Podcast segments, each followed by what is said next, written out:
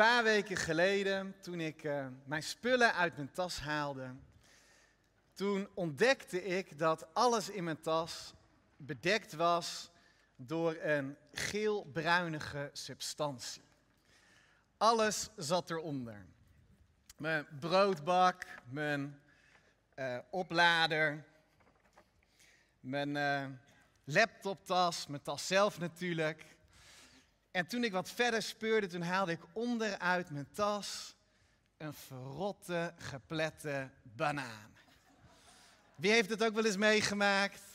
Gelukkig, ik ben niet de enige kneus hier. Maar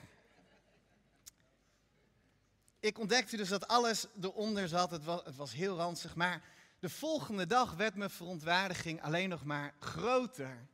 Toen ik mijn laptop probeerde op te laden en ontdekte dat dat niet meer lukte. Dus ik ging naar de reparateur, gelukkig. Zelfs in de harde lockdown was deze open. En ja hoor, daar bleek inderdaad dat de banaan de grote boosdoener was. Want wat was er nu gebeurd? Blijkbaar had ik het niet helemaal goed schoongemaakt en waren de kleine restjes van die banaan via mijn snoer in de poort van mijn MacBook terechtgekomen. En dat moest nu microscopisch schoongemaakt worden. Kostte 175 euro. Dat was een dure banaan. Maar daarnaast was ik ook nog eens mijn MacBook anderhalve week kwijt. dat was de tijd die nodig was om hem schoon te maken. En dan ontdek je ineens hoe gehecht je bent aan zo'n apparaat. Dat je eigenlijk gehandicapt voelt als dat er niet meer is. herkenbaar toch? We, we hechten vaak pas waarde aan de dingen die zo vanzelfsprekend voor ons geworden zijn als ze er niet meer zijn. We weten pas wat we hebben als het er niet meer is. En maatschappelijk gezien is dat ook zo. Dat hebben we de afgelopen twee jaar, misschien wel meer dan ooit in ons leven, ontdekt. De vrijheid, de saamhorigheid, de zorg, het welzijn, het onderlinge vertrouwen, die een hele generatie Nederlanders als vanzelfsprekend hebben ervaren, zijn in de afgelopen twee jaar zwaar onder druk komen te staan. Misschien wel zelfs ten dele verloren gegaan. We hebben nu pas ontdekt wat we al die tijd al hadden. En we willen het terug. we willen het terug. Sommige mensen die, die proberen nog steeds krampachtig terug te keren naar het oude normaal. Hoe het vroeger was. Maar de vraag is, is dat überhaupt nog wel mogelijk? zelfs als corona niet meer in de wereld zou zijn, zelfs als het hele probleem opgelost zou worden, zouden we dan terug kunnen gaan naar hoe het was? Kunnen we teruggaan naar de verlangens die we hadden? Kunnen we corona en de gevolgen daarvan microscopisch verwijderen, zoals die bananenresten uit mijn MacBook? Vorige week zijn we begonnen met de prekenserie over prediker. En sommige mensen vinden dat prediker een beetje een zwaarmoedige kijk, haast depressieve kijk heeft op het leven. En met name als alles goed gaat in ons bestaan, dan, dan willen we dat eigenlijk helemaal niet horen. Misschien komt het wel doordat we in een cultuur en maatschappij leefden waarin alles maakbaar leek. Waar onze mogelijkheden eindeloos waren. Waarin we ons eigen geluk konden creëren. Maar waarschijnlijk heeft prediker een realistischere kijk op het leven dan veel van ons. Prediker zegt, en dat is misschien wel zijn bekendste zin, er is niets nieuws onder de zon. Oftewel, alles wat we meemaken, hebben mensen in de geschiedenis al eens meegemaakt. De geschiedenis herhaalt zich over en over en over again. Er is niets nieuws onder de zon. En prediker getuigt daar zelf ook van in zijn eigen leven. He, want net als veel mensen vandaag geloofde prediker dat je geluk kon bereiken door het na te jagen. En dus bouwde hij paleizen. En legde hij tuinen en bossen aan. Kocht hij vele slaven. Bezat hij veel vee. En had hij eindeloos veel goud en zilver. En als hij er zin in had, kon hij de beste muzikanten en zangers van het land laten aantreden om hem een privéconcertje te geven. En hij had het genot geproefd van vele, vele vrouwen. Kortom, werelds gezien had prediker het helemaal gemaakt. Maar, na alles wat hij bereikt heeft, komt prediker tot het besef dat als hij sterft, dat er dan allemaal niets meer van over is. Dat hij er dan helemaal niets meer aan heeft. En zelfs in zijn nalatenschap voor de volgende generatie vindt hij geen genoegdoening. Want, zegt prediker, ik weet niet of mijn erfgenamen er verstandig of juist heel dom mee om zullen gaan. Misschien is het wel beter dat ik mijn rijkdommen niet aan ze achterlaat. En prediker komt daarmee tot een sombere conclusie. In hoofdstuk 2, waarin hij eerst die hele rij van rijkdommen opnoemt, zegt hij uiteindelijk in vers 11. Maar toen nam ik alles wat ik ondernomen had nog eens in ogenschouw. Alles wat mijn moeizaam gezwoeg me opgeleverd had. En ik zag in dat het allemaal maar lucht en najagen van de wind was. Het had geen enkel nut onder de zon.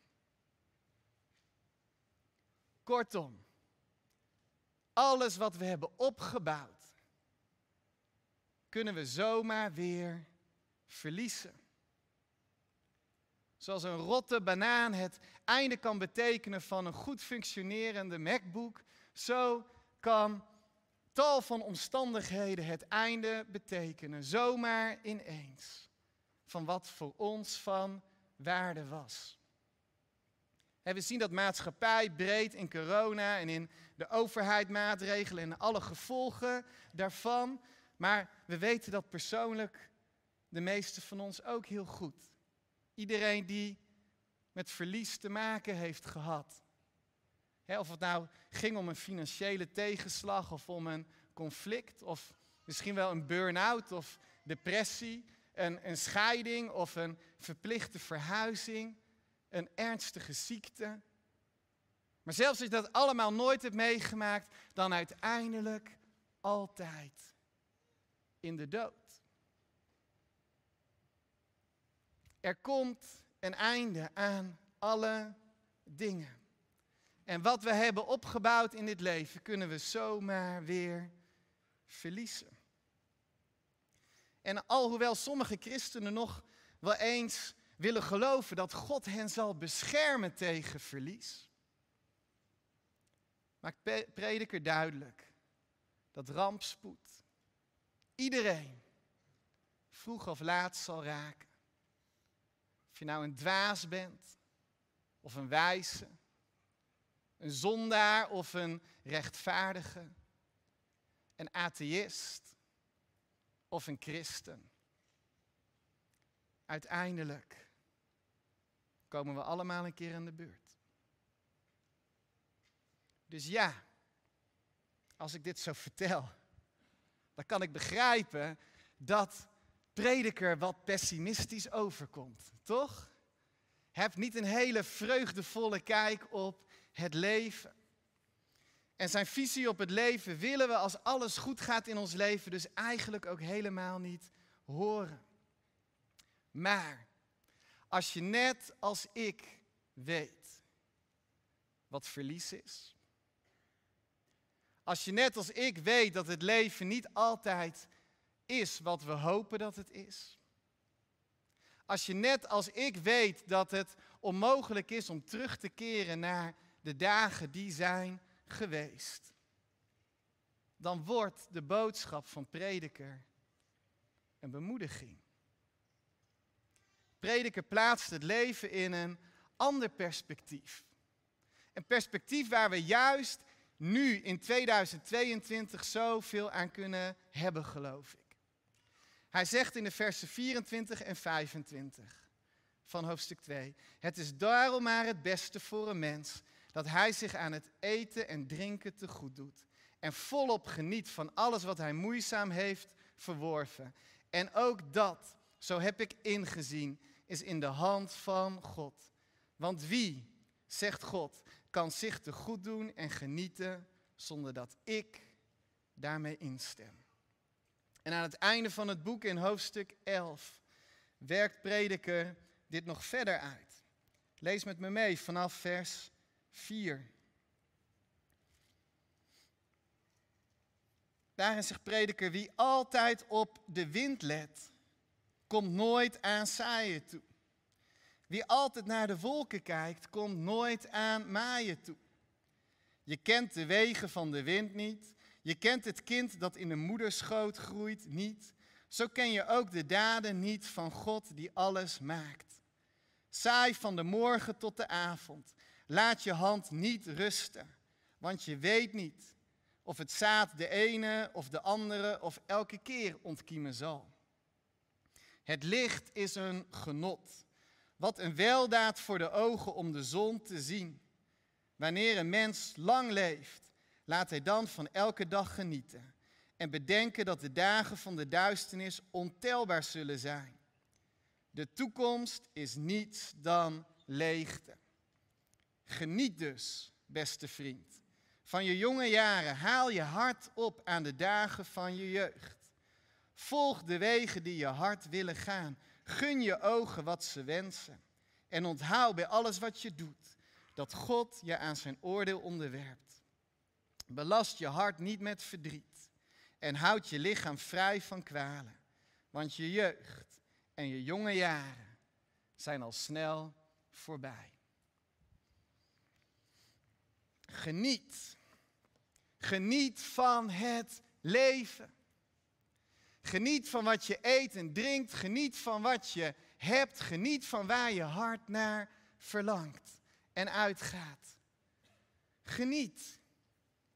Maak je geen zorgen over de toekomst. Wacht niet tot al, totdat alles weer beter wordt. Of terugkeert naar hoe het was. Bescherm niet halstarrig wat je zou kunnen verliezen, maar omarm het leven zoals het komt. Omarm het leven zoals het zich ontvouwt. En geniet van wat God jou gegeven heeft. En wat Hij aan jou heeft toevertrouwd. Geniet van de dagen die Hij aan jou heeft gegeven. Juist omdat het zomaar ineens allemaal voorbij kan zijn, geniet. En geniet met name als je jong bent. Jongeren in de zaal, jongeren in de thuis, geniet met name als je jong bent.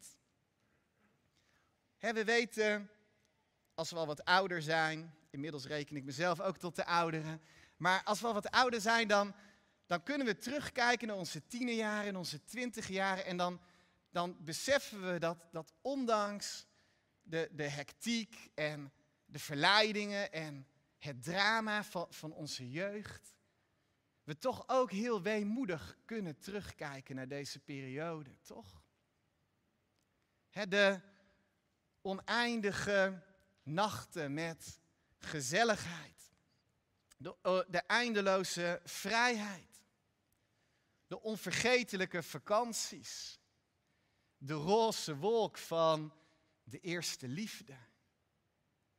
De grenzeloze mogelijkheden.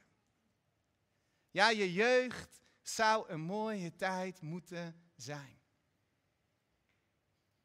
Persoonlijk vind ik dat we in deze tijd veel van onze tieners en jongeren vragen. Dat we als maatschappij te veel van ze vragen.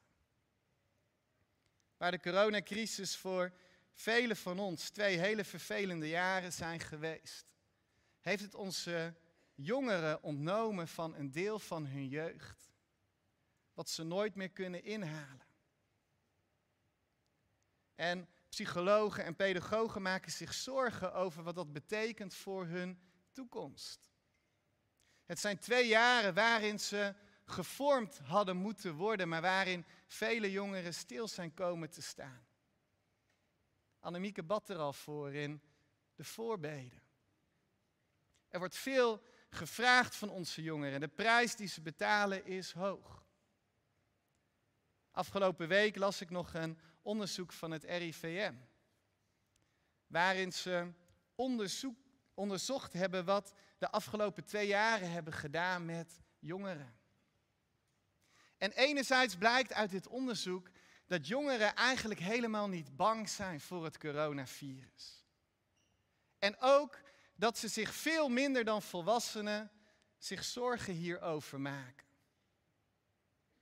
Maar ondanks dat geven jongeren veel meer dan volwassenen aan dat ze sinds de coronacrisis een hulpeloos gevoel hebben gekregen. Meer dan de helft van de jongeren geeft aan dat ze in de afgelopen twee jaar veel stress zijn gaan ervaren. En dat percentage is meer dan twee keer zo hoog als de gehele populatie van Nederland. Het is bekend wat gevoelens van hulploosheid en van stress met de mens doen.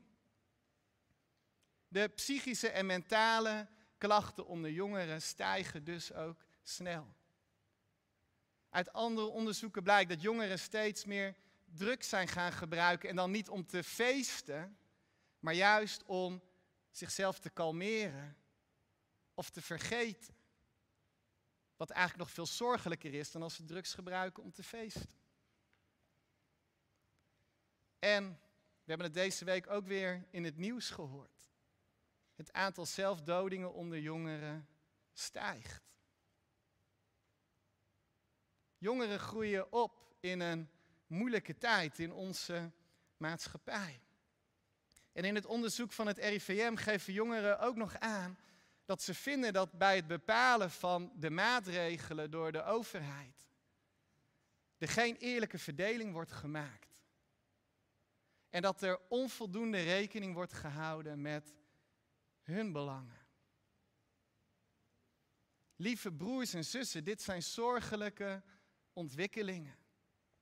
En enerzijds ben ik blij hoe we als kerk in de afgelopen twee jaar steeds voorrang hebben gegeven in alle versoepelingen aan onze tieners en jongeren. En dat zullen we ook blijven doen. En ik ben er ook dankbaar voor dat we dat met elkaar dragen. Maar anderzijds heeft het onze aandacht nog veel meer nodig dan dat. Wat kunnen we in een tijd als deze met de oproep van prediker? Geniet. En geniet met name als je jong bent. Geniet van je jonge jaren. Geniet van je jeugd. Hoe moet je genieten als er zo weinig te genieten is? Nou, en dan wordt die haast pessimistische boodschap van prediker een bemoediging. Want juist omdat prediker het leven op geen enkele manier verheerlijkt. En juist omdat prediker zoveel ruimte geeft aan de donkere kanten van ons bestaan. Juist daarom krijgt zijn aanmoediging om te genieten een nieuwe betekenis. En in hoofdstuk 11, het gedeelte wat we net gelezen hebben, spoort haar jongeren, maar tegelijkertijd ons allemaal aan. Om op drie, manier, op drie manieren spoort hij ons aan om te genieten. Allereerst roept prediker op om niet al te voorzichtig te zijn. Een belangrijke boodschap voor onze Nederlanders, want we houden ervan om voorzichtig te zijn. Maar prediker die zegt in, in, hoofdstuk 11 vers 4, wie altijd op de wind let, komt nooit aan saaien toe.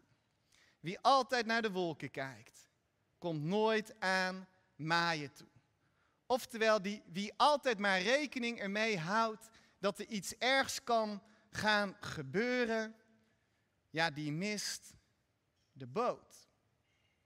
Vertaald naar deze tijd zou je kunnen zeggen, wie altijd maar de besmettingscijfers in de gaten houdt. Of wie altijd maar op zijn hoede is voor wat de overheid nu weer van ons gaat vragen. Wie steeds maar bang is om ziek te worden. Of wie juist steeds maar bang is om zijn vrijheid steeds verder te verliezen. Ja, die beperkt zichzelf. En die vergeet om te genieten. Soms lijkt het haast erop dat we met z'n allen zitten te wachten totdat we door de volgende rampspoed geraakt worden. Als ik op Facebook kijk, dan zie ik bijna niks anders. Steeds meer mensen houden er rekening mee. En ze bereiden zich daar soms zelfs praktisch op voor. Maar heb je niet door dat het dan juist je, je gedachten en je hart volledig in beslag gaat nemen? Dat je met niets anders meer bezig kan zijn, dat dat dan juist je leven gaat kleuren? Dat je leven dan door die mogelijke dreiging wordt bepaald? Het is heerlijk ontnuchterend om prediker op dat moment te horen zeggen: Jongens, doe niet zo moeilijk. Hou je niet steeds bezig met wat zou kunnen gebeuren, maar geniet. Het kan goed gaan, het kan slecht gaan. Je weet het niet. Het leven ligt in de handen van God. En juist omdat je niet kunt weten wat er gaat gebeuren, zegt prediker, kun je maar beter genieten. Kun je maar beter genieten van wat God aan je heeft toevertrouwd.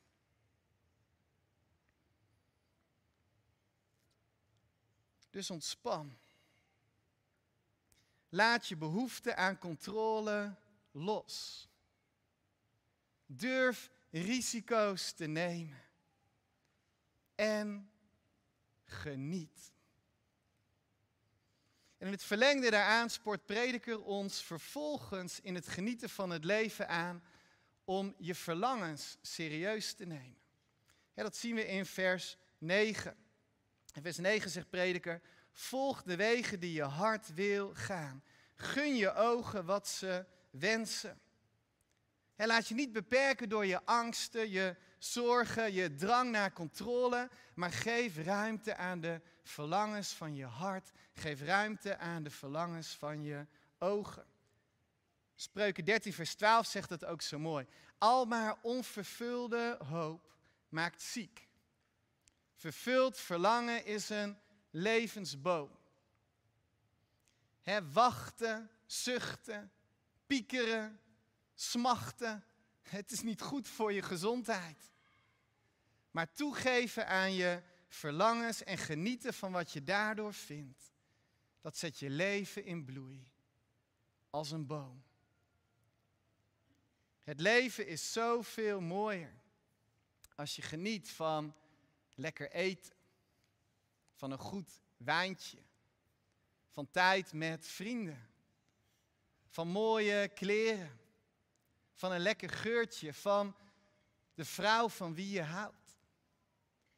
Het leven is zoveel lichter wanneer je geniet. En natuurlijk, in een tijd als deze, waarin veel niet mag en veel niet kan, is het misschien moeilijker geworden om te genieten. Maar het is niet onmogelijk. Volg de verlangens van je hart. Volg de verlangens van je ogen. En zij zullen de weg voor je banen. Luister naar je verlangens en neem ze serieus. En geniet van waar zij jou zullen brengen.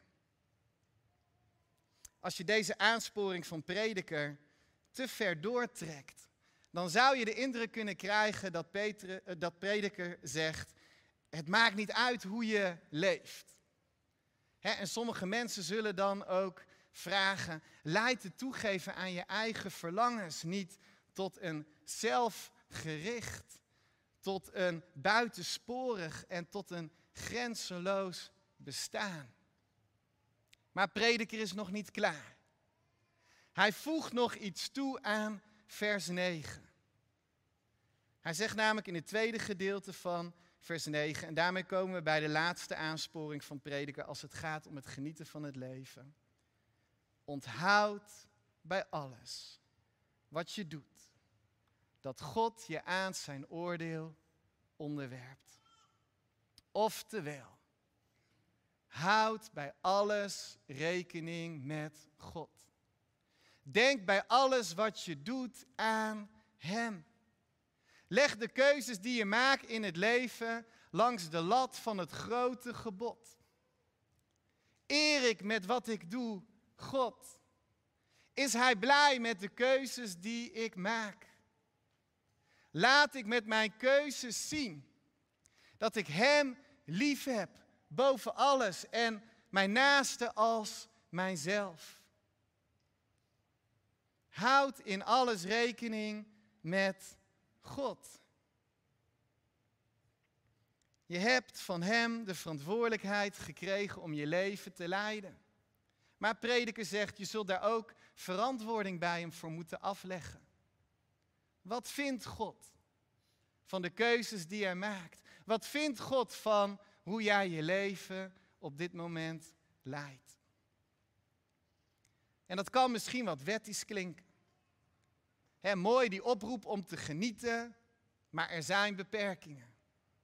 Mooi dat je mag genieten, maar alleen zover als God je dat toestaat. Dat klinkt dan toch weer wat wettisch. Maar wat prediker ging inzien, door al zijn hoogte- en dieptepunten in het leven heen, was dat alles zijn hele bestaan lag in de handen van God. En dat is ook zo voor jou en voor mij. Onze levens liggen in de handen van God. Niets gebeurt zonder dat Hij dat toestaat. Alles wat je meemaakt, zelfs elke adem die je op dit moment ademt, gebeurt omdat God je dat toestaat. Zelfs deze coronacrisis waar we als maatschappij een hele wereld doorheen gaat, kunnen gebeuren omdat God dat toestaat.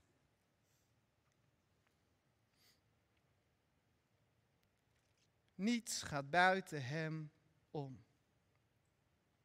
En dus houden we geen rekening met God, omdat ons dat wordt opgelegd. En we houden geen rekening met God omdat we bang zijn voor het oordeel wat Hij gaat vellen. Nee, we houden rekening met God, omdat we Hem erkennen als degene die ver boven alles staat. Die ver geplaatst is boven alles en iedereen. Ja, ons bestaan mag zomaar ineens kunnen stoppen. Maar we hebben een eeuwige God. En Hij regeert van eeuwigheid tot eeuwigheid. Zijn heerschappij houdt altijd stand. Waar kunnen we beter zijn dan bij Hem? Wij bestaan niet voor Hem. Nee, hij, eh, hij, bestaat niet voor ons. Wij bestaan voor Hem. En als God weet Hij beter dan wij zelf wat goed voor ons is. Ons hele bestaan, ons hele leven ligt in Zijn handen. Dus laten we ons vertrouwen, onze controle, niet zoeken in de dingen van de wereld, maar laten we onszelf toevertrouwen aan Hem alleen. Hij weet wat goed voor ons is. Dus ja, de wereld verandert. En vroegere tijden komen nooit meer terug. En tegelijkertijd is er ook niets nieuws onder de zon. Dus geniet. Geniet van wat God jou gegeven heeft. Geniet van de dagen die Hij aan jou heeft toevertrouwd. Want al kan alles veranderen. Onze God blijft altijd dezelfde. Amen. Zullen we samen bidden? Laten we daarbij gaan staan.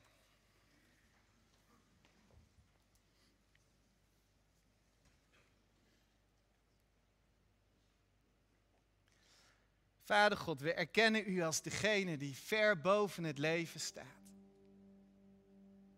U staat boven mijn leven. U staat boven onze levens. En we zijn u dankbaar dat u ons het leven heeft gegeven. Met elke adem die we ademen, zijn we u dankbaar. Voor wie u bent en wat u ons toevertrouwt. Heer, we, we komen voor uw troon en we willen ons daarin verootmoedigen voor u. We vragen u vergeving voor al die keren dat we anderen of onszelf op de plek hebben gezet die u toekomt. Waar we ons geluk en ons vertrouwen, onze zekerheid hebben gezocht in de dingen van de wereld meer dan in u. Heer, maak ons bewust. Maak ons bewust van ons nietige bestaan. Maak ons bewust dat onze levens niet zoveel voorstellen op de eeuwigheid. Maak ons bewust dat u zoveel meer bent dan ik ooit zou kunnen zijn. We vertrouwen onze levens aan u toe. En we bidden dat als we het leven wat u geeft ontvangen als geschenk, dat we het ook mogen leven zoals u het bedoeld heeft. We bidden dat de dagen van ons leven niet gekleurd zullen zijn door zorgen, maar dat we mogen genieten. En dat we in elke dag U mogen vinden. Dat we in elke dag iets mogen vinden om ons in te verheugen. Ons leven behoort U toe. En we bidden specifiek ook voor onze jongeren nogmaals. Heer, als we zien door deze tijd dat er zoveel druk op ze ligt en dat er zoveel van ze gevraagd wordt. We bidden dat u met uw geest komt en hun leven opnieuw in vuur en vlam zet. Dat u nieuw leven blaast in hen. Dat ze mogen leren om ook in deze tijd, die anders is dan de tijden hiervoor, om te genieten. We bidden voor onze tieners en jongeren in de gemeente dat hun jeugd een tijd mag zijn van, van vreugde die ze mag opbouwen en waarin ze hun hele leven lang van mogen profiteren. Maar we bidden ook voor de tieners en jongeren in deze stad, in deze maatschappij, in dit land, in deze wereld. We bidden voor de volgende generatie. Als ze met zoveel nieuwe, andere dingen te maken krijgen dan wij. Heer, we bidden dat u iets nieuws gaat doen in deze generatie. We bidden voor opwekking. We bidden dat u uw wijsheid uitstort, uw geest van wijsheid. Heer, we bidden dat de volgende generatie het beter mag doen dan wij. Heer, wilt u ze leiden als een herder die zijn schapen. Heer, wilt u ons gebruiken als kerk om, om deze nieuwe generatie ook aan de hand te nemen. Heer, om hun belangen hoger te achten dan die van onszelf. Heer, leer ons om een kerk te zijn die ook in de volgende generatie stand zal houden en zal overwinnen. En van betekenis zal zijn tot de dag dat u terugkomt. Heer, en zo leggen we onze eigen levens en de levens van onze jongeren en het leven van onze kerk in uw handen.